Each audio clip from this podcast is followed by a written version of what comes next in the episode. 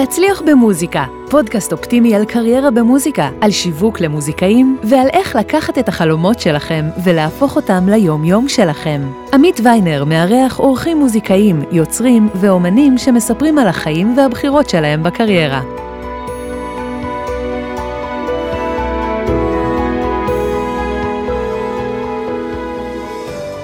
מתחילים. שלום לכל המאזינות והמאזינים, איזה כיף שאתם פה שוב איתנו לעוד פרק של הפודקאסט להצליח במוזיקה. והיום יש לנו אורחת מאוד מאוד מיוחדת מארצות הברית, שירלי ספייקס, איזה כיף שאת פה. היי שירלי, מה נשמע? זה קצת מרגש להיות בפודקאסט של להצליח במוזיקה, זה ממש סוג של הצלחתי כבר, לא?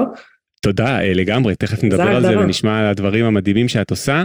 אז אה, שירלי ספייקס היא בעצם מעצבת סאונד אינטראקטיבי.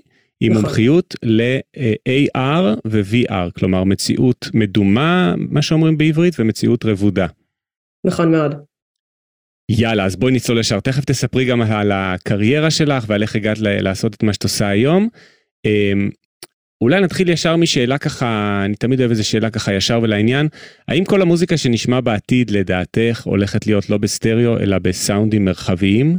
שונים? אני יכולה רק לקוות שזה יהיה המצב. אנחנו לא יודעים אם זה הולך להיות המצב או לא, אבל אנחנו לגמרי מכוונים לכיוון הזה. Um, הצורה שבה בעצם אנחנו שומעים סאונד זה להבין איך סאונד מתרחש במרחב באופן טבעי, uh, שבעצם סאונד זה פשוט תזוזה של אוויר מצד לצד, uh, והתזוזה הזאת היא פשוט מהירה מספיק כדי שאנחנו נתפוס את זה בתור איזשהו משהו שהוא קולי. אז בהתחשב בזה למדנו איך ליצור איזושהי ממברנה שהיא עשויה מחלקי מתכת ומגנטים שבעצם יוצרת את הזזת אוויר הזאתי וככה יצרנו סאונד על ידי מיקרופונים וספיקרים שאנחנו יכולים להקליט ולנגן את הסאונד. אבל זו לא הצורה הטבעית שבה אנחנו שומעים סאונד. גם אוזניות הן מנסות לחקות איזשהו משהו טבעי שאנחנו מכירים ואנחנו הלכנו מ... מונו שזה בעצם רק ערוץ אחד, לסטריאו שזה שני ערוצים, לסראונד שזה 5.1, 7.1, 7.1 ואפשר להמשיך מפה הלאה גם לעוד פורמטים אחרים שקצת פחות מוכרים. אמ, אבל שוב כל אלה זה לא איך שאנחנו באמת שומעים סאונד, איך שאנחנו שומעים את זה זה לא רק כמות הערוצים שנמצאים, זה מה מקדימה, מה מאחורה, למה אני צריכה להאזין, מה חשוב כרגע, אה, למה צריך לשים לב יותר או פחות ולכן אני כן חושבת שיש איזשהו ערך לסאונד שהוא יותר מרחבי, פחות חשיבה של יש לי עכשיו שלושה ספיקרים או עשרה, אלא יותר הסאונד זז מפה לשם וזו הסיבה שהוא זז ככה. מעניין, כלומר את בעצם אומרת שהפיצ'רים המרכזיים, אה, התכונות המרכזיות של סאונד מרחבי זה לא רק זה שהוא מפוזר אה, בעצם בחלל באופן של 360, אלא גם זה שהוא ממש זז בעצם בחלל ולא קבוע. באיזשהו נקודה, נכון? זה בעצם הפואנטה של מה שאמרת? נכון, אמ, כשאנחנו מסתכלים על סאונד מרחבי זה אחת המילים היותר טעונות היום בתעשייה, אני הלכתי לכנס מאוד גדול של אמ, מתכנתי אודיו ואף אחד לא הצליח להסכים על מה זה בדיוק סאונד מרחבי, חלק אמרו זה פלאגין בשביל איזושהי תוכנה, חלק אמרו זה כשיש לך איזשהו אובייקט במרחב שמייצר סאונד, כלומר עד עכשיו אין לנו בדיוק הגדרה למה זה, אבל אנחנו כן יודעים שזה אומר לקחת את מה שאנחנו יודעים בתור בני אדם ומה שאנחנו מכירים מהטבע ולנסות לשחזר אותו על ידי טכנולוגיה שכיום קיימת. הטכנולוגיה לאט לאט נהיית יותר טובה ולכן ההגבלות שהיו לנו פעם לטכנולוגיה כבר לא רלוונטיות לנו היום. מעניין, טוב אז עוד מעט נצלול באמת להיבטים הטכנולוגיים ממש לעומק, אני גם נורא מתעניין בזה בעצמי ואני חושב שזה גם יהיה פרק סופר מסקרן לאנשים שאו מכירים קצת את כל הטכנולוגיות האלה, או שזה ממש משהו חדש והם אה, רק שמעו על סטריאו עד היום. אמ, אבל בעצם, בואי נבין רגע משהו, אז בעצם אה, כל הסוגים השונים של סאונד מרחבי, אמ, אפשרי בעצם לשמוע אותם רק באוזניות, למי שאין setup כזה של המון רמקולים בחדר שלו? אמ, אם אנחנו מדברים על צורה וירטואלית אז זה נכון, הצורה שבה אנחנו שומעים את זה היא על ידי שתי אוזניות שכל אחת מהן סוגרת את האוזן לצד אחר וככה אנחנו מקבלים איזושהי תמונה סטריאופונית של אודיו אה, שמתנגן. אה, כשאנחנו מסתכלים על משהו כמו לדוגמה, משהו שיותר קל לאנשים להבין זה בדרך כלל אה, image ים של תלת מימד והסיבה לזה זה בגלל שכשיש לנו image תלת מימדי אנחנו רואים שתי תמונות בו זמנית ובגלל שאנחנו רואים שתי תמונות הן יוצרות עומק. כל עין מרנדרת חלק מהתמונה והתמונה המלאה היא אובייקט אחד שיש בו יותר משני ממדים אלא יש בו שלושה ממדים. אז בא צייר ואומר אוקיי אני אעצום עין אחת אני אצייר עץ אני אעצום עין שנייה אני אצייר עץ אני אפתח את העיניים ויש לו שני עצים למה יש לו שני עצים? כי עין ימין רואה שני image ים ועין שמאל רואה שני image ים. במקום שכל אחת תראה רק תמונה אחת, כל אחת מהעיניים רואה שתי תמונות בו זמנית. אז אנחנו צריכים איזושהי דרך להפריד בין העיניים בשביל שאנחנו נוכל לראות משהו שהוא תלת מימדי ומרונדר על ידי מחשב. אה, אז המשקפות שהיו לנו פעם בחבילות של הקורנפלקס הם עשו בדיוק את זה. אחת צבועה באדום, אחת צבועה בכחול והם היו מבטלות חצי מהתמונה. ובגלל זה יכולנו לראות דברים בתלת מימד.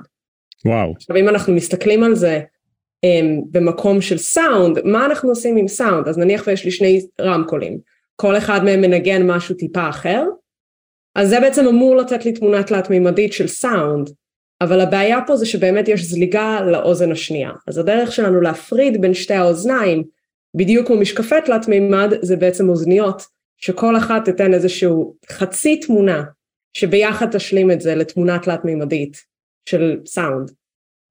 מדהים, כלומר גם בעצם במשקפי תלת מימד וגם באוזניות שבהם יש סאונד שהוא מרחבי, תלת מימד נקרא לו, אה, זה בעצם אשליה, במקרה הראשון אשליה אופטית על המוח, לרמות את המוח, בשני אשליה אקוסטית בעצם, נכון? זה בעצם נכון, באיזשהו מקום כן. מדמיין שקורים דברים במקום שאין אותם, כלומר אה, הוא שומע צלילים. אתה יכול לקרוא לזה דמיון, אתה יכול להגיד שזה perception, זה איך אנחנו מבינים את העולם, ככה אנחנו בעצם מתקשרים עם שאר הדברים בעולם. טכנולוגיה בסך הכל מנסה לחקות את מה שכבר קיים בטבע. מדהים, האמת היא שזה משפט נהדר, זה משפט ה, אה, שצריך להיות השם של הפרק, טכנולוגיה מחקה את מה שיש בטבע, עוד מעט נחשוב איך, איך את אה, מסבירה את זה בהקשר של AI ו-AI Generated Music, אבל רגע בואי קצת אה, תספרי על עצמך, איך הגעת להיות מומחית לסאונד מרחבי, מה שנקרא באנגלית ספיישל ספיישל אודיו בעצם. ספיישל אודיו, נכון, כן. הרבה מתבלבלים spatial audio, זה נכון. נשמע כמו אודיו מיוחד אבל לא, זה אודיו מרחבי. איך הגעתי לזה? וואי, זו שאלה שאני שואלת את עצמי כל יום, איך הגעתי לפה? למה אני גרה בבוסטון ואיך הגעתי לטייטל הזה? יש מעט מאוד אנשים שמחזיקים בטייטל הזה. האמת שאני התחלתי לנגן כשהייתי בת שלוש. ולא הפסקתי מאז. אמ, כלומר זה משהו שליווה אותי כל הזמן ואני יודעת שהרבה מוזיקאים מרגישים את התחושה הזאת של אין באמת תשובה למה אנחנו עושים מוזיקה זה מין פשוט משהו שליווה אותנו וזה שמה ואין הסבר למה זה שמה. אמ, זה פשוט חלק מאיזשהו פורס שמלווה אותנו. אז אמ, עם הכישרון הזה למוזיקה לקחתי את זה כל פעם לאיזשהו כיוון אחר, וכל כמה שנים אני מוצאת איזה משהו חדש, ואני אומרת וואי זה הדבר הכי מגניב בעולם, וכולם עכשיו צריכים להתעסק בזה, כי זה ממש ממש אדיר, ואז אני נותנת הרצאות ומדברת על זה, והופכת להיות המומחית בתחום, ואז אני מוצאת משהו חדש שגם כן מעניין אותי. אז uh, לקחתי את זה בהתחלה למוזיקה קלאסית, זה היה הבסיס שלי, וגם הייתי בתיכון של האקדמיה, אחרי זה גם uh, לקחתי קורסים באקדמיה הגבוהה. אמ, ומשם לקחתי את זה לרימון, שלמדתי הלחנה ועיבוד וניצוח ויצא לי לעבוד עם הרכבים מאוד גדולים ותזמורות אמ, ואז גיליתי על מוזיקה שהיא לאיזשהו תוכן, כלומר או למחול או לאנימציה אמ, וזה נורא הגניב אותי כי זה פתאום סיפר איזשהו סיפור חדש, פתאום המוזיקה, הם היו אומרים לי כאילו זה, זה הפריח חיים בתוך משהו עכשיו מה זה חיים? זה, זה הכניס תזוזה לתוך זה, אמרנו אם מוזיקה זה בעצם גלים שבסך הכל זזים, אז כן זה נתן איזשהו מובמנט למשהו מאוד סטטי, וזה נורא סקרן אותי והיה לי נורא מגניב לשחק עם הכלי החדש הזה. ואז גיליתי משחקי מחשב, ואמרתי אוקיי זה, זה כמו מוזיקה לתוכן ולסרטים, רק שעכשיו זה אינטראקטיבי ואני לא יודעת מה השחקן הולך לעשות, ואין לי שליטה על מה הולך לקרות, אז אני צריכה לחשוב על כל ה scenarios שקורים במקביל. אמ, ואז קיבלתי הזדמנות לעבור לבוסטון. האמת שהתקבלתי ל Berklee College of Music ויצא לי, הייתי אחד מהמזליסטים שיצא להם אה, לעזוב את ישראל ולטוס, לסיים את התואר של רימון בברקלי.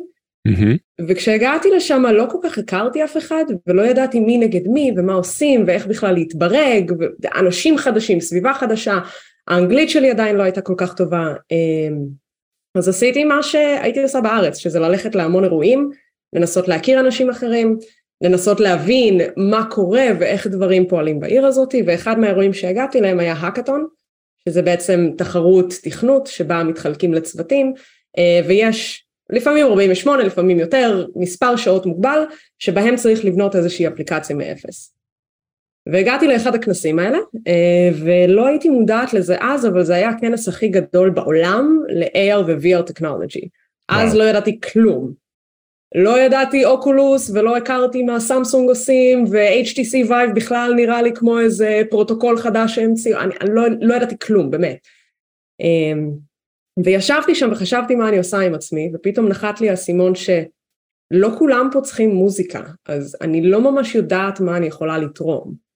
ישבתי ליד איזה בחור ושאלתי אותו מה הוא בונה, והוא אמר לי משהו לגבי בלוקצ'יין ב-VR, ולא ממש הבנתי מה הוא אומר. הוא ראה אותי ככה מתבאסת ושאל אותי מה קרה. אמרתי לו, תשמע, אני מוזיקאית. אני, לא יודעת איך לעשות מוזיקה לבלוקצ'יין, אין לי מושג אפילו מה אמרת עכשיו. הוא אמר לי, אוקיי, אולי, אולי תקחי איזה VR ותעשי כזה, לא יודע, מזיזים את הידיים ויוצא סאונד. אז אמרתי לו, מה, כמו, כמו תרמין כאילו? הוא אמר לי, כן, תבני תרמין ב-VR. ואמרתי לו, למה תרמין, אם אפשר לבנות תזמורת שלמה, וכזה נזיז את הידיים, וזה כזה יעשה כמו מנצח, וכזה אפשר יהיה לנצח על זה. Uh, והוא אמר לי, וואי, איזה רעיון אדיר, כאילו, you, should pitch it, כאילו, את צריכה לעלות לבמה ולהגיד את הרעיון הזה. ואמרתי לו, מה, אני? מה פתאום?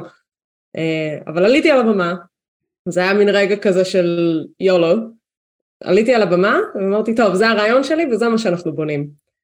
וכעבור שלושה ימים סיימנו את הפרויקט וניצחנו, אה, והיינו top 10 innovative ideas for MIT for that year. וואו. כן. שזה היה חודש ראשון שלי בבוסטון, עם אנגלית עדיין שבורה, לא יודעת איך להשתמש בטכנולוגיה הזאת, ובאתי לאנשים ואמרתי, תשמעו, טכנולוגיה זה לא אני, אבל אני יודעת סאונד, אני יכולה לכוון אתכם לאיך אנחנו נעשה את זה, ואיך התזמורת צריכה להיראות, ואיזה תנועות ידיים, ואנחנו נקליט את הכל, תעזרו לי לעשות את החלק הטכני, אני אעזור לכם בחלק של המוזיקה. Uh, וככה נבנה הסטארט-אפ הראשון שלי, שנקרא VRSO, Virtual Reality Symphony Orchestra. Um, וכשחזרתי ללימודים, אז לקחתי תואר בהלחנה לסרטים, ופתאום אמרתי, רגע, אבל יש משהו בעולם הזה של VR והוא כל כך חדש, ואף אחד עדיין לא מבין איך להתעסק בזה, אז אין הרבה אנשים שמה. והחלטתי שאני לוקחת את זה בתור הבייבי החדש שלי, ושאני הולכת לפתח את זה. אמ, ולקחתי ולמדתי כל מה שאפשר מכל אספקט אפשרי. לקחתי כמה קורסים שרק נתנו לי, הלכתי ל-MIT ולהרווארד, אמרתי להם רק תנו לי לשבת מאחורה, אני לא אוציא מילה כל השיעור, רק תנו לי לשבת ולהקשיב. הייתי בכמה קורסים כאלה, אה, שתודה לאל גם הרשו לי להיכנס פנימה. וככה בעצם למדתי את ה... מקדימה, את המאחורה, את כל הצדדים של זה, ומצאתי איזשהו תחום שכולם פשוט נורא נורא פחדו ממנו. אבל לי זה נתן כל כך הרבה אופציות חדשות, כי לא היו שם שום חוקים. לא היה ככה אנחנו עושים דברים, וככה בונים דברים, וככה נראה מיקס, כי זה הכל היה פשוט עולם כזה חדש, שגם אלה שבנו את זה עדיין לא ממש בטוחים מה הדרך הנכונה לעשות את זה, ואנחנו רואים את זה אפילו היום. הטכנולוגיה הזאת מאוד מאוד טריה. אמ, וככה הגעתי לאיפה שאני היום, היום אני עובדת בחברה שנקראת Magic Leap, אמ, אנחנו בדיוק הוצאנו קסדה חדשה שנקראת Magic Leap 2, אה, היא נועדה בעיקר לתעשיות, אמ, ואנחנו קוראים לזה Enterprise, אבל טייסים, רופאים, מפעלים מאוד מאוד גדולים, והמטרה של זה זה באמת להפוך את השימוש בקסדות האלה, אנחנו כבר לא יכולים לקרוא לזה קסדות, זה יותר כבר משקף מאשר קסדה, כי זה כבר קטן מספיק. להפוך את זה למשהו שאנחנו יכולים להשתמש בו כל יום, כי הוא נוח וכי הוא עוזר לנו ביום יום, לא כי הוא מגניב והוא חדש. אמ, וזה סוג, ש... זה המסע שאני עברתי. וואו, מדהים, יש פה מלא תובנות, אה, נראה לי, גם לאנשים שמתחילים אה, בתחום המוזיקה ושואלים את עצמם איך אה, להתפתח ואיך איך למצוא את הנישה גם של עצמם, כי זה ממש מה שתיארת, וגם איך פתאום להגיע לאיזה מדינה זרה ולבית ספר, כמו שאמרת, ואת לא מכירה אף אחד.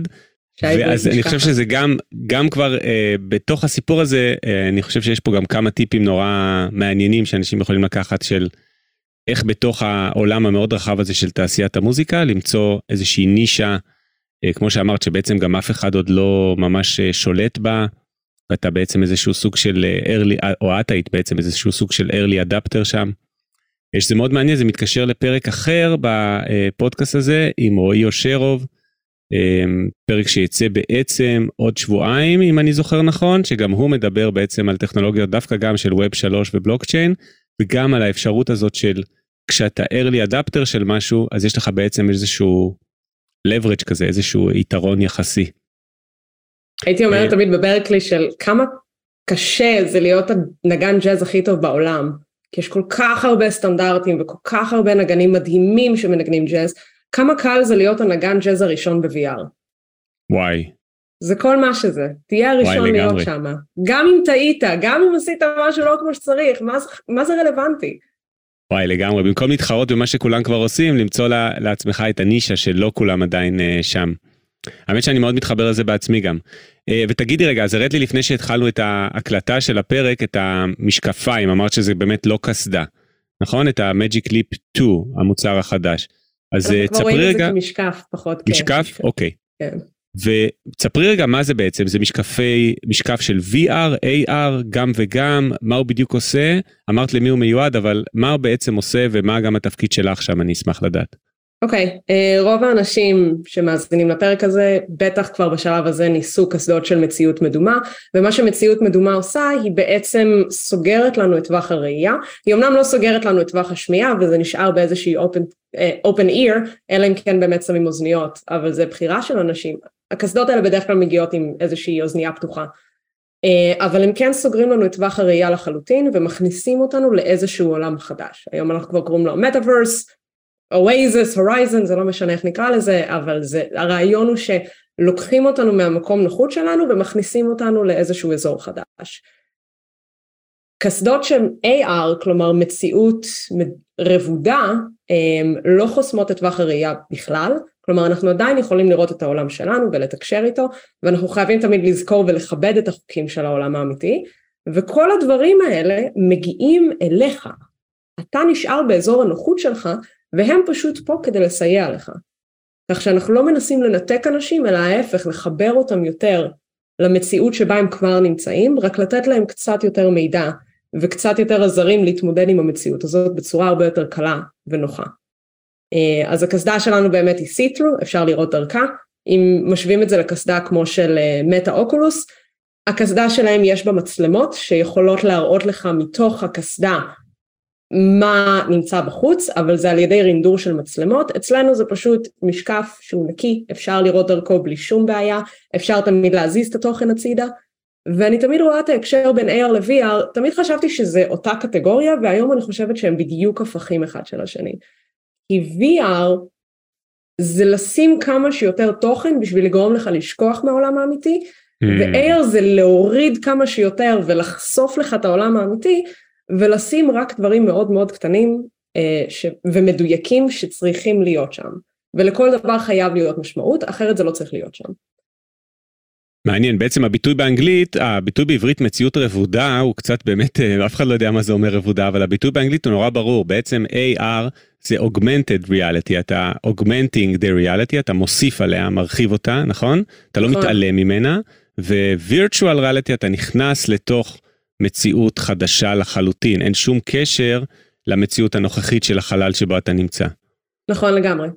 אז העבודה שלי בתוך כל התחום הזה, mm-hmm. זה באנגלית נקרא Interactive Audio Designer, ושוב, סליחה, קצת יותר קל לי לדבר באנגלית, אני כבר שנים עושה את זה, אמ, אבל אם לתרגם את זה למשהו, אז אני בעצם מלחינה ומעצבת אינטראקציות, שזה בין אם זה מערכת ההפעלה עצמה, כלומר התפריטים השונים, ההגדרות השונות שהולכות בתוך מכשיר, ההתראות, ה... לא יודעת מה, רינגטונים שאנחנו שומעים בתוך מכשירים, אה, ויחד עם זה גם את האפליקציות שיוצאות מהבית של Magic Leap אה, ומגיעות לפרטנרים שונים שאנחנו עובדים איתם. אה, עכשיו העבודה הזאת, זה, זה כאילו נשמע נורא משעמם וכשאנשים מדברים על אודיו UX, בעצם אודיו user experience, זה תמיד נשמע נורא כזה קטן ובליפס and בלופס כאלה קטנים ברגע שלוחצים על איזשהו כפתור, אבל יש בזה המון מחשבה של איך אנחנו יכולים לתקשר עם משהו בשפה שהיא לא עברית או אנגלית או צרפתית או ערבית. אנחנו מתקשרים עם זה בשפה של ניואנסים וטונים, שיכולים לתת לנו המון מידע על מה קורה מסביבנו, ומה קורה עם המכשיר שלנו. וואו. רגע, אני אשמח שתרחיבי, אני, אני האמת שאף פעם לא חשבתי על זה שזה נשמע כזה קטן או משהו כזה. אני גם אה, קראתי, אה, יש מה שנקרא sonic branding, שהוא לא קשור mm-hmm. בעצם ל-VR ו-AR או ל spatial audio, אבל הוא בעצם אה, מה שחברות עושות כדי שיהיה להם branding בקטע של האודיו, למשל הסאונד של ההודעה של וואטסאפ או של מסנג'ר, אמ, ויש לי כמה חברים שכזה מתמקצעים בזה, יש אחד שיש לו חברה בתחום הזה, וסיפרו לי סיפורים מדהימים, שנגיד את הסאונד של מסנג'ר, אמ, לקח משהו כמו חצי שנה לפתח כדי שהוא יהיה כמה שיותר ממכר הפוטום של ההודעה שהגיע לך אה, הודעת מסנג'ר של אה, זה. אתה יודע זה בסך הכל שני צלילים אבל זה בדיוק איזה צלילים ואיזה סאונד ואיזה frequencies וזה כדי שזה יהיה כמה שיותר engaging ושאתה תהיה חייב ללכת לטלפון לשמוע אה, מי שלח לך הודעה. כל כך אה, קשה להתעלם מהסאונד הזה כן. זה סאונד שמזכיר לנו אה, דפיקה בדלת. זה משהו אמ. חדש נכנס, מה קורה עכשיו? עכשיו בשביל ליצור את הסאונד הזה אנחנו צריכים לעבוד עם frequencies קצת יותר גבוהים, אנחנו צריכים לדעת למה האוזן האנושית יודעת להקשיב ולמה היא שמה לב, לאיזה פרטים היא שמה בצד ואיזה פרטים היא שמה מקדימה ואומרת אוי, זה כרגע ממש קריטי, לזה אנחנו ממש צריכים לשים לב. תשים לב לדוגמה שרינגטונים בכל הטלפונים כמעט רינגטונים הם בדרך כלל מאוד high pitch ואנחנו שומעים אותם ב frequencies יחסית מאוד מאוד גבוהים בגלל שזה אמור להגיד לנו עכשיו קורה משהו, עכשיו אתה צריך לענות לטלפון. בניגוד לזה תשים לעצמך לדוגמה שעון מעורר בטלפון או תשים לעצמך איזושהי התראה בטלפון וזה יהיה טונים הרבה יותר נמוכים כי מה שזה מנסה להגיד לך זה או oh, דרך אגב שמת משהו במיקרוגל. זה לא אותה דחיפות כמו כששיחה נכנסת. מעניין וזה בעצם קשור לאפרכסת של האוזן שלנו נכון שמגבירה בעצם את התדרים של בין 2,000 ל-5,000 הרץ אם אני זוכר נכון שזה mm-hmm. כאילו התדרים ה... שאנחנו תמיד נשמע לא משנה באיזה גיל ובכמה רחוק זה יהיה זה תדרים שהאוזן שלנו בנויה להגביר אותם אה, בצורה מאוד וגם... מאוד חזקה. נכון אה, יחד עם זה גם המוח שלנו יודע מאוד מאוד טוב לתפוס תזוזה כלומר אנחנו יודעים אוטומטית וזה לא משנה אם אנחנו רואים את עצמנו בתור אה, טרף או בתור טורף, אנחנו צריכים לדעת לזהות תזוזות ברמה מיידית. הסיבה שנורא קשה לנו כשאנחנו רואים תמונות של מצא את ההבדלים למצוא באמת מה ההבדלים בין שתי תמונות זה בגלל שהן שתיהן לא זזות. בשנייה שתתחיל להזיז את אחד מהאלמנטים בתוך התמונה ישר המוח שלך יגיד זה, זה שונה, הנה פה, אני רואה את זה עכשיו, אוטומטית. וואי, מטורף. האמת שבזמן שדיברת את זה, הייתה שם איזה תזוזה בחריץ של הדלת, מי ששומע אותנו בפודקאסט לא יודע מה אנחנו רואים, כי זה רק אה, אה, אודיו בלי וידאו, אבל זה באמת, זה, העין, של, העין שלי ישר הולכת, כלומר כל תזוזה, העין תמיד תלך. בשנייה אחת. ככה. עכשיו אותו דבר קורה לנו בסאונד, ברגע שסאונד נכנס והוא משהו חדש, המוח שלנו אוטומטית רוצה לתפוס מה זה, למה זה רלוונטי, מה קורה פה, מה זה השינוי הזה. עכשיו ברגע שהשינוי הזה חוזר על עצמו כמה פעמים, אנחנו כבר מקבלים את זה בתור איזשהו pattern. כלומר אנחנו יכולים לשמוע טוב פעם אחת וזה יישמע לנו כמו משהו נופל, אבל אם אנחנו נמשיך להקשיב לזה וזה חוזר על עצמו באותו הקצב, אז זה כבר לא תזוזה, זה כבר משהו מאוד יציב וסטטי. קבוע, מונוטוני יכולים... בעצם. נכון.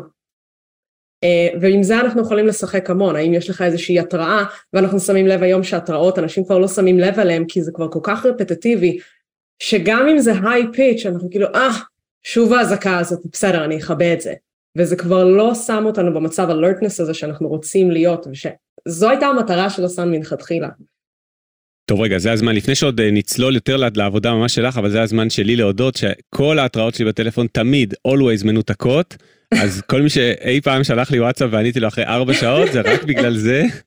לא יודע אם מישהו מהמאזינים שולח או מאזינות שולח לי וואטסאפ אבל אני אף פעם לא מקבל וואטסאפ כהודעה כזאת של קולית כי לא יודע אולי כמוזיקאי או משהו כזה אני פשוט לא יכול זה אם אני מנגן פסנתר או יושב על ה Cubase ועושה מיקס זה יטריף אותי אם הוואטסאפ שלי יהיה בהודעות קוליות אז זה מוציא אותך מריכוז? כן לדעתי לא שמעתי כבר איזה ארבע שנים את הסאונד של וואטסאפ או מסנג'ר אצלי בטלפון. וואו, מרשים. אז רגע, שירלי, מעניין אה, מאוד, אני חושב שבעצם אה, את אה, הולכת להיות אה, היחידה בכל הפודקאסט הזה, בכל המאה הפרקים, שיש לך את העבודה המאוד מאוד מסוימת הזאת, ומעניין, זה אני בטוח שזה פותח להמון אנשים אה, רעיונות למשהו שהם בכלל לא חלמו שאפשר לעשות. אז תארי מה בדיוק את עושה במגבלות מה שאת יכולה לספר. כשאת אומרת סאונדים למערכת הפעלה, סאונדים אה, לאפליקציות של החברה. במסגרת מה שאת יכולה לחלוק, מה זה בעצם אומר? מה את בעצם עושה? זה, טוב, קצת עניתי על זה לפני זה, ואתה הזכרת פה משהו שגם קשור לעבודה שלי, אבל אנחנו בעצם מייצרים hardware, שזה אומר חומרה, את הקסדה עצמה היא מיוצרת בתוך המפעלים שלנו, אה, ואנחנו יוצרים איזושהי מערכת הפעלה שנמצאת על החלק שהוא hardware.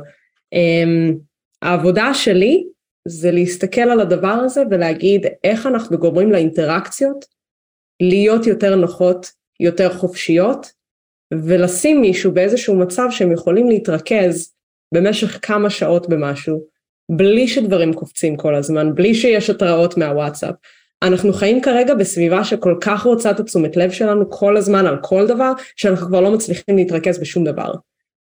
ואפשר גם לבוא באפרוץ' אחר, אפשר לבוא ולהגיד איך אנחנו יכולים לבנות מערכת הפעלה שכן תיתן לך את ההתראות האלה, ושתגיד לך, אה, דרך אגב, מישהו יתקשר או צריך אותך עכשיו, אבל שזה לא יוציא אותך מריכוז ממה שאתה עושה כרגע. אה, אז העבודה שלי באמת היא ליצור את הסאונדים האלה, להטמיע אותם בתוך המערכת, אה, לעשות לזה ולידציה. אני עובדת הרבה עם אלמנטים של פסיכולוגיה, של איך אנשים מתקשרים בצורות שונות, ואת כל זה אני מכניסה לתוך איזושהי מערכת הפעלה, שבעצם אמורה לתקשר עם משתמש. אז לדוגמה, ברגע שאתה אומר לטלפון, לאלקסה, זה לא משנה, כל מכשיר שיש לו את האפשרות לזיהוי קולי, אתה אומר לו, היי hey, אלקסה, והסאונד טיפה עולה למעלה, והסאונד עולה למעלה בגלל שזו שפה מאוד אנושית, זה להגיד וואט? ואז אומרים, תורידי את הווליום, אוקיי, עשיתי את זה, סבבה. אמ, ובעצם הטונים האלה זה, זה, דבר, זה ניואנסים כל כך קטנים, וכן, קצת למעלה, קצת למטה, אבל כל משתמש, בין אם הם מדברים אנגלית או לא, יכול להבין שזה מה שבעצם המערכת אמרה. התחלתי להקשיב, סיימתי להקשיב. קיבלתי את ההתראה. אז וואו. Uh, כן.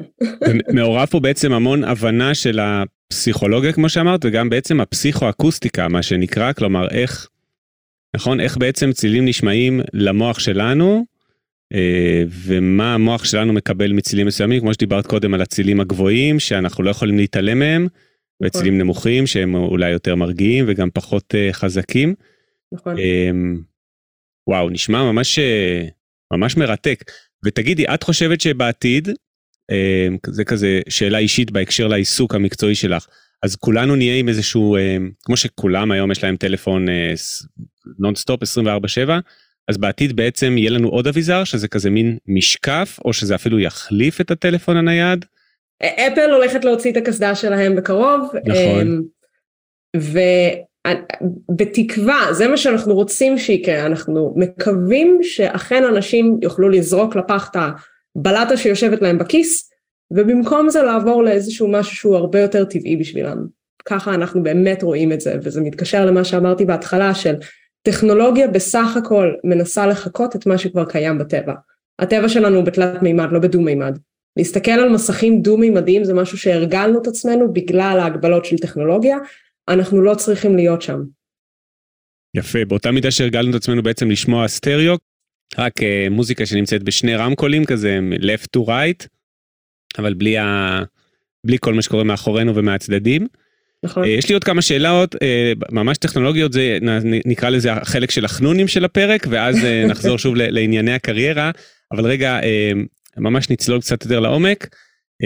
אני מניח שזה יכול גם לעניין מאזינים ומאזינות, אז ממש בתכלס בעצם איזה סוג של סראונד את עושה, הרי יש דולבי אטמוס, יש מה שנקרא אמביסוניקס, האם את רוצה להסביר טיפה מה בדיוק אה, הטכנולוגיה שאת משתמשת בה לסראונד? כן, אנחנו משתמשים, אה, שוב, זו שאלה קצת טעונה בגלל שספיישל אודיו אומר המון המון דברים. אה, כשאנחנו מדברים על דולבי זה אחת מהדרכים לעשות את זה, יש גם קבצים אמביסונים שהם בעצם קבצים שכמו ש... מונו זה ערוץ אחד, סטריאו זה שני ערוצים שאחד הולך לימין והשני הולך לשמאל, אה, ערוצים שהם MB סונים יש להם ארבע ערוצים במינימום, אה, First Order Ambisonics אה, נחשב לארבעה ערוצים וזה יכול להגיע עד ל-30, 40, 50 ערוצים בתוך הקלטה אחת שמחזיקים בתוך זה עוד מידע מקודד שבין השאר המידע הזה זה איך הראש שלך מוטה בשביל לשמוע קבצים כאלה אנחנו צריכים איזשהו משהו שיכול לעשות עקיבה של הראש. אני יודעת שלווייבס יש איזשהו קליפ און במיוחד לאוזניות שיכול לעשות את זה. יש המון משקפות VR שיכולות לעשות את אותו דבר, יש טלפונים שיכולים כבר לעשות את זה, אה, אנחנו יכולים לשמוע אמביסוניקס ביוטיוב, אם אנחנו מזיזים את זה על ידי העכבר, זה פחות על ידי הראש של עכבר ותזוזה של מקלדת, אמ, ומה שאנחנו מתעסקים בו זה יותר איך להטמיע את זה בתוך מערכת, ואנחנו משתמשים בפלאגינים שהם בעיקר, אנחנו קוראים לזה gaming engines, זה כבר לא gaming engines, זה כבר היום נחשב physics engine, אבל דברים כמו Unity ו Unreal אה, ומנועים אחרים, ולתת את היכולת הזאת שלכל אפליקציה תהיה את האופציה לעשות סאונד מרחבי בעצמה. ואת עובדת בעצם בתוך מה שנקרא DAW, Digital Audio Workstation, כמו Cubase, Logic וכאלה, או שאת עובדת בעצם אה, בתוכנות שתיארת, שזה Unity ו-Unreal? אה, גם וגם, האמת היא. Mm. אז זה כאילו לשים שני כובעים שונים, ופעם אחת אני עובדת ב-DAW, שיש לי דרך אגב שניים, אחד בשביל כל מיני exploration ורעיונות, והשני בשביל מיקסינג, ואני ממש מפרידה בין העולמות האלה. איזה אה, שניים? ריפר ואייבלטון. אז mm-hmm. את הרעיונות שלי אני שמה באייבלטון, ואז אני מוציאה אותם משם, שמה בריפר, uh, בריפר אני משתמשת בשביל למקסס את הכל, ואז כל זה הולך לתוך מערכת יותר גדולה שמנגנת את הסאונדים. מעניין, טוב אז לכל המאזינות והמאזינים שעוד לא איבדנו אותם בחלק היותר חנוני שעכשיו uh, דיברנו עליו, נחזור רגע קצת לבחירות שלך בקריירה, באמת לאיך, אה, לדברים שעשית. אז ראיתי גם שהיית בברקלי, כשלמדת, היית שם בעצם אה, הנשיאה, נכון? President נכון, of the Berkeley נכון. XR. אז אה, נכון. תספרי קצת מה זה ברקלי XR, מה היה התפקיד שלך שם, מה זה XR אה... בעצם בתור התחלה? אז XR באותה תקופה, זה היה ב-2017, לא בדיוק ידענו מה זה אומר, כלומר חשבנו שזה extended realities ואז איזושהי חברה באה והשתמשה בזה כטריידמרק. ואז אמרנו זה expanded realities ואז עוד איזושהי חברה באה ואמרה ולקחה את זה. וכעבור כמה שנים אנחנו פשוט קיבלנו על עצמנו ש-X זה משתנה. uh, כלומר X אתה יכול להחליף אותו ב-AR, אתה יכול להחליף אותו ב-VR, אה, וזה פשוט מין קטגוריה שכוללת את כל הדברים האלה ביחד. אה, וואו, אז זה, זה לא המשמעות ש... אז היום XR זה ה-X הוא לא רשת, הוא לא אינישל של שום variable. מילה. כן, הוא, הוא בסך הכל משתנה. וואו. כן. Um, ושוב, יש כאלה שגם יגידו לך, אה לא, זה expanded realities, זה extended realities, זה extreme realities, כאילו לכל אחד יש את הפירוש שלו. Uh, אני אוהבת לראות את זה בתור משתנה, אני חושבת שזו הדרך הכי טובה uh, לדבר על הנושא הזה, כי ב- כמו שאמרתי, הם נושאים נורא נורא שונים שאנחנו הכנסנו לתוך אותה קטגוריה של AR ו-VR ביחד.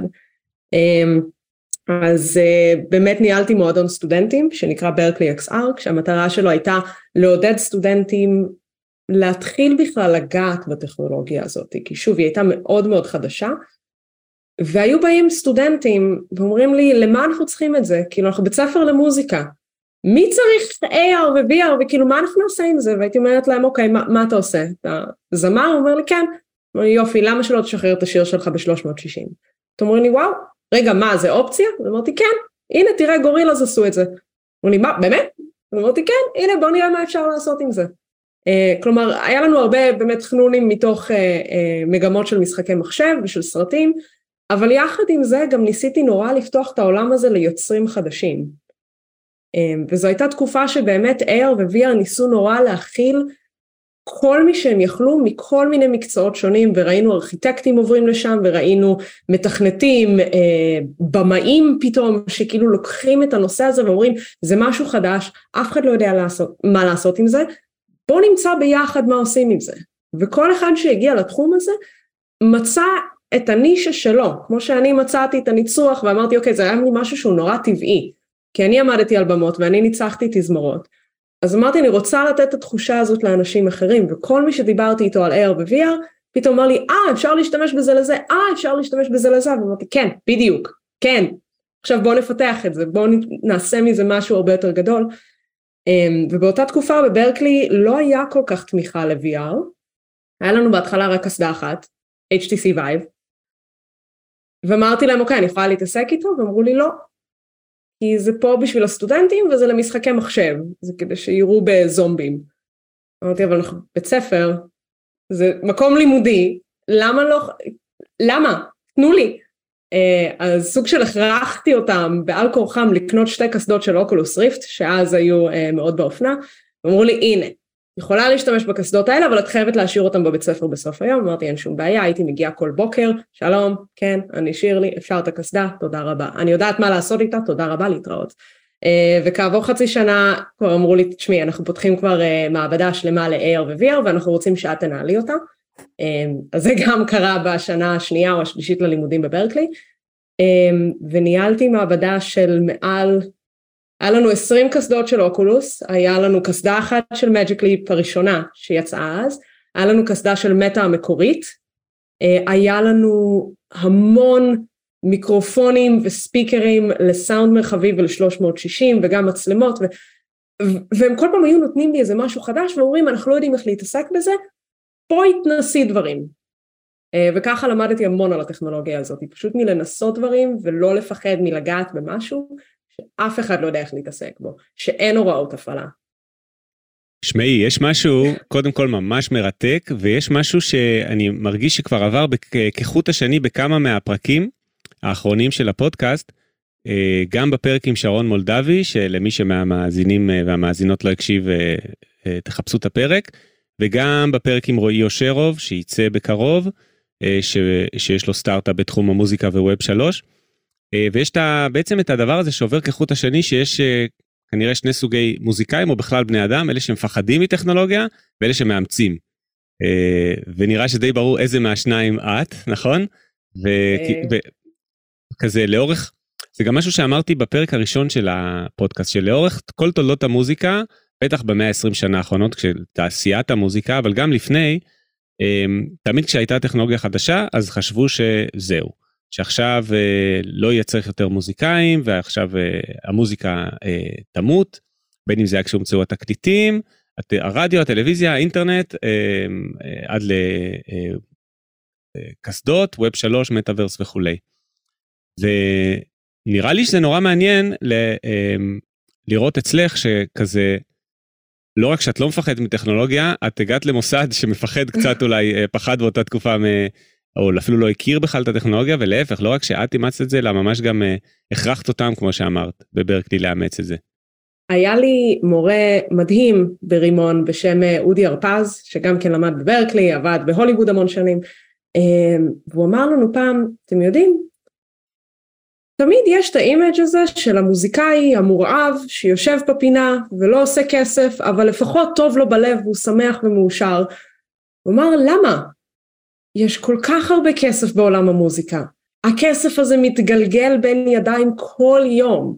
וזה לא שאם מישהו לקח אז לך אין, זה מישהו לקח וגם אתה יכול לקחת באותה צורה בדיוק, ויש כל כך הרבה הזדמנויות שהן לאו דווקא להופיע על במה, שהן לאו דווקא ללמוד כלי נגינה, שיכולים להרחיב את העולם בכל כך הרבה דרכים.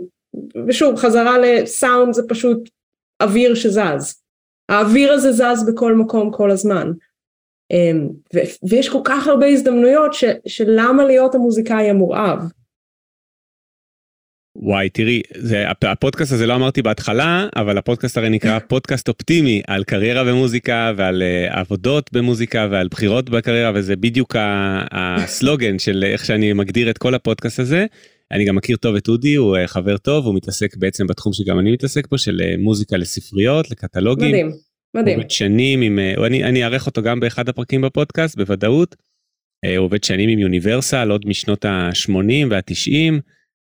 מוזיקה שלו הייתה באמת במלא מלא דברים, ואני לגמרי מסכים עם הגישה הזאת.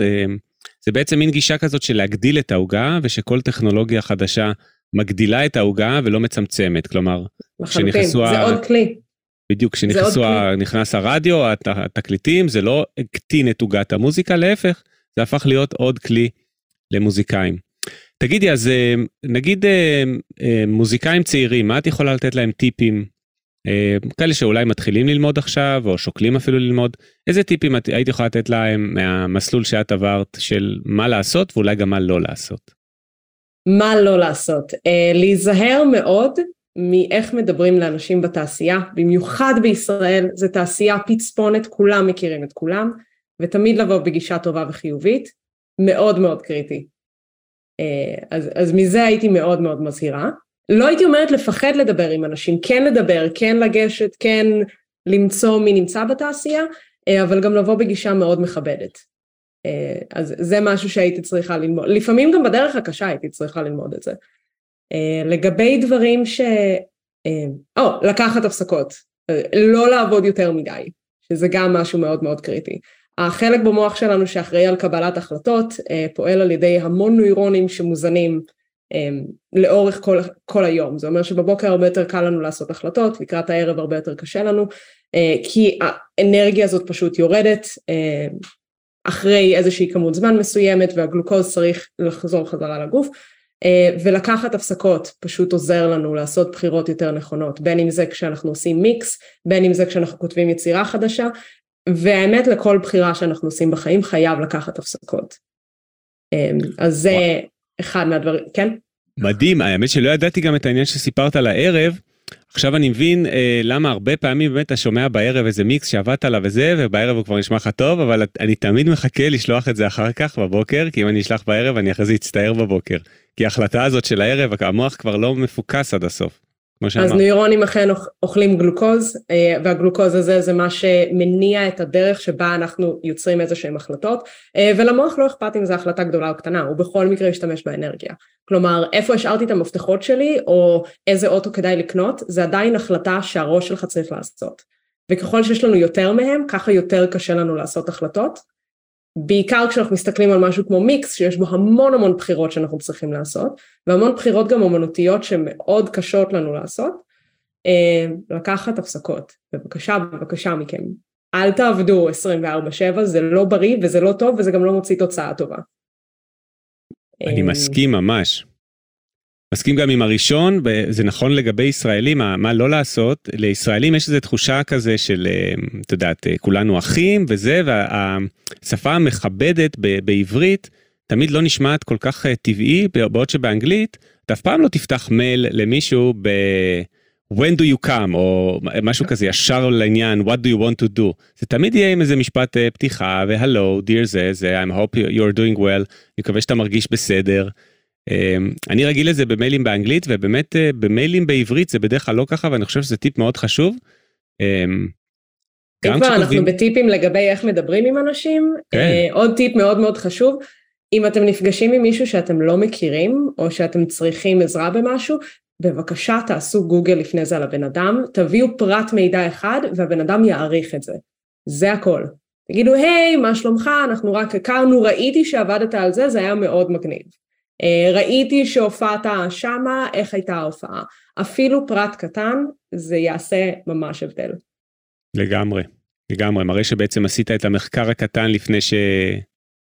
לפני שניגשת לדבר איתו. ולגבי עוד...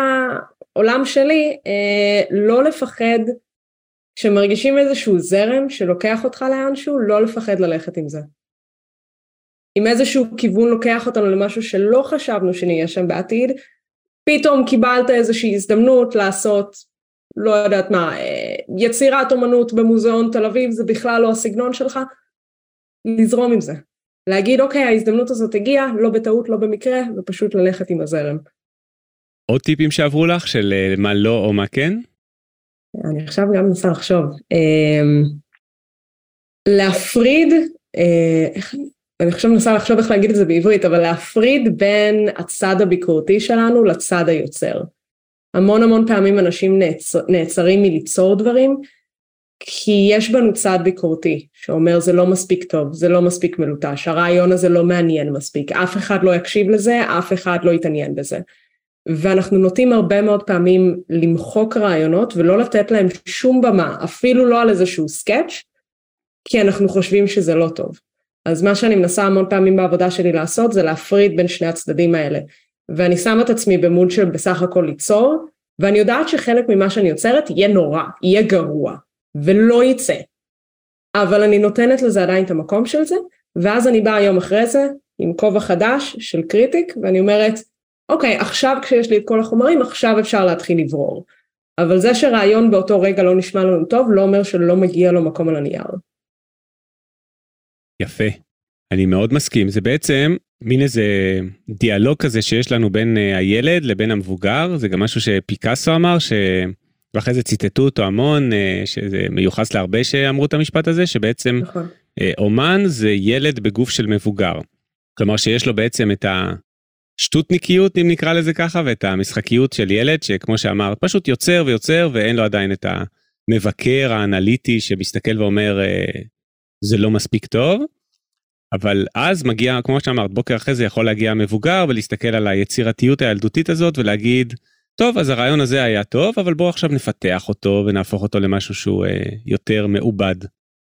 הקשבתי עכשיו לראיון עם בריאן אינו והוא אמר שליצור מוזיקה זה כמו הקשר בין להיות פסל ללהיות גנן. הוא אמר להיות גנן זה כי אתה זורע המון זרעים ואתה לא יודע מה מתוך זה יפרח וחלק מהם לא יפרחו אף פעם ואתה שם 50 או 100 כאלה, אתה לא שם אחד. אתה שותל המון המון זרעים, ואז יום אחד, אחד מהם פתאום צץ, ואתה אומר, היי, מה זה? מה קורה פה? ואז אתה אומר, אני אשקיע בזה קצת יותר, ואני אשים לב, ואני אשים את כל התשומת לב שלי פה. ולאט לאט זה גדל, ובאמת אתה מקבל איזשהו צמח, אבל אין לך בראש, ככה רציתי שהוא ייראה בצורה הזאת, בגודל הזה, עם כאלה ענפים ועם חמישה פרחים מכל צד. אתה נותן לזה לגדול ואתה רואה לאן זה מגיע. בדיעבד אפשר, אתה יכול לחזור ולהגיד עשיתי את זה ועשיתי ככה ונתתי לזה דשן באופן הזה כדי שזה יגדל לצורה הזאת. אבל אתה לא יודע מה תהיה התוצאה כשאתה רק מתחיל. וואי זה מאוד מאוד יפה והאמת היא שאני מתייחס לכל החיים כך כככה בעצם גם נטוורקינג אה, או כמו שתיארת אה, פגישה עם אנשים וללכת לכנסים אתה בעצם אף פעם לא יודע מה יקרה עם אה, קשרים כאלה שיש לך ואתה בעצם אה, ממש כמו זורע כזה המון קשרים לי יש המון קשרים ברחבי העולם גם עם מוזיקאים גם עם לא מוזיקאים אה, ו- you can never know יכול פתאום להגיע מצב שקרה לי גם שמנהל פסטיבל הקולנוע היהודי בהונג קונג כותב לי אימייל בוא להונג קונג להופעות בהונג קונג ובמקאו להופיע כאן בפסטיבל פתאום out of the blue. כלומר זה... טוב, אתה מקבל איזושהי הודעה ממישהו מישראל שעושה איזשהו פודקאסט חדש וצריך אנשים לפודקאסט, אז... הנה, כן. ראית? כן.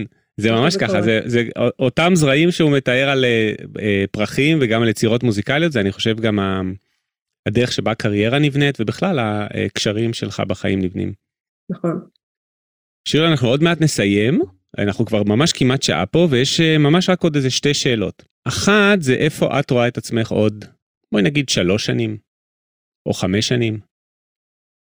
באיזושהי חווה מבודדת בוורמונט, בלי וי-פיי. מגדלת ירקות. בסראונד? לא, לא, גם לא ב-VR, פשוט בטבע, רחוק מהכל. ממש זה אם הכל יהיה בסדר, אם הכל יהיה טוב אז כן זה יהיה המצב, ואם הכל יהיה קצת פחות טוב אז uh, לעבוד על איזשהו הארדוור אחר, לבנות משהו חדש, uh, לתת השראה לעוד אנשים. כאילו זה, זה, זה מצחיק להגיד את זה אבל כאילו בארצות הברית יש מין משפט שאומר the whole point of working in tech is to one day not work in tech. Mm, לא מכיר את המשפט הזה. um, המטרה היא בעצם לפרוש מוקדם אבל מה שאני באמת מאחלת לעצמי זה שאני אמצא משהו חדש, אני לא יודעת אם זה יהיה בהייטק או לא, אבל למצוא עוד משהו חדש ומעניין ומגניב ולהגיד זה הדבר הכי מגניב בעולם וכולכם צריכים לחשוב רק על זה כי זה עכשיו מגניב אה, ואני לא יודעת לאן אני אתפתח מפה. זה כמו עץ שרק ממשיך לגדול. וואו, זה, זה גם מקשר למה שאמרת ממש בהתחלה, שכל כמה שנים יש לך איזה משהו כזה שאת אה, ננעלת עליו וכזה זה ה baby החדש, נכון? נכון, נכון. אז אני לא יודעת מה יהיה ה baby הבא, בוא נראה. טוב, מחזיקים, מחזיק אצבעות לחווה וגם להארדוור הבא. תודה רבה. אולי עוד חמש שנים ניפגש ונעשה עוד ראיון ואני אגיד לך תשובות אחרות לגמרי ואני אגיד לא, לא, היא לא יודעת על מה היא מדברת, VR ו-AR זה שום דבר. אולי.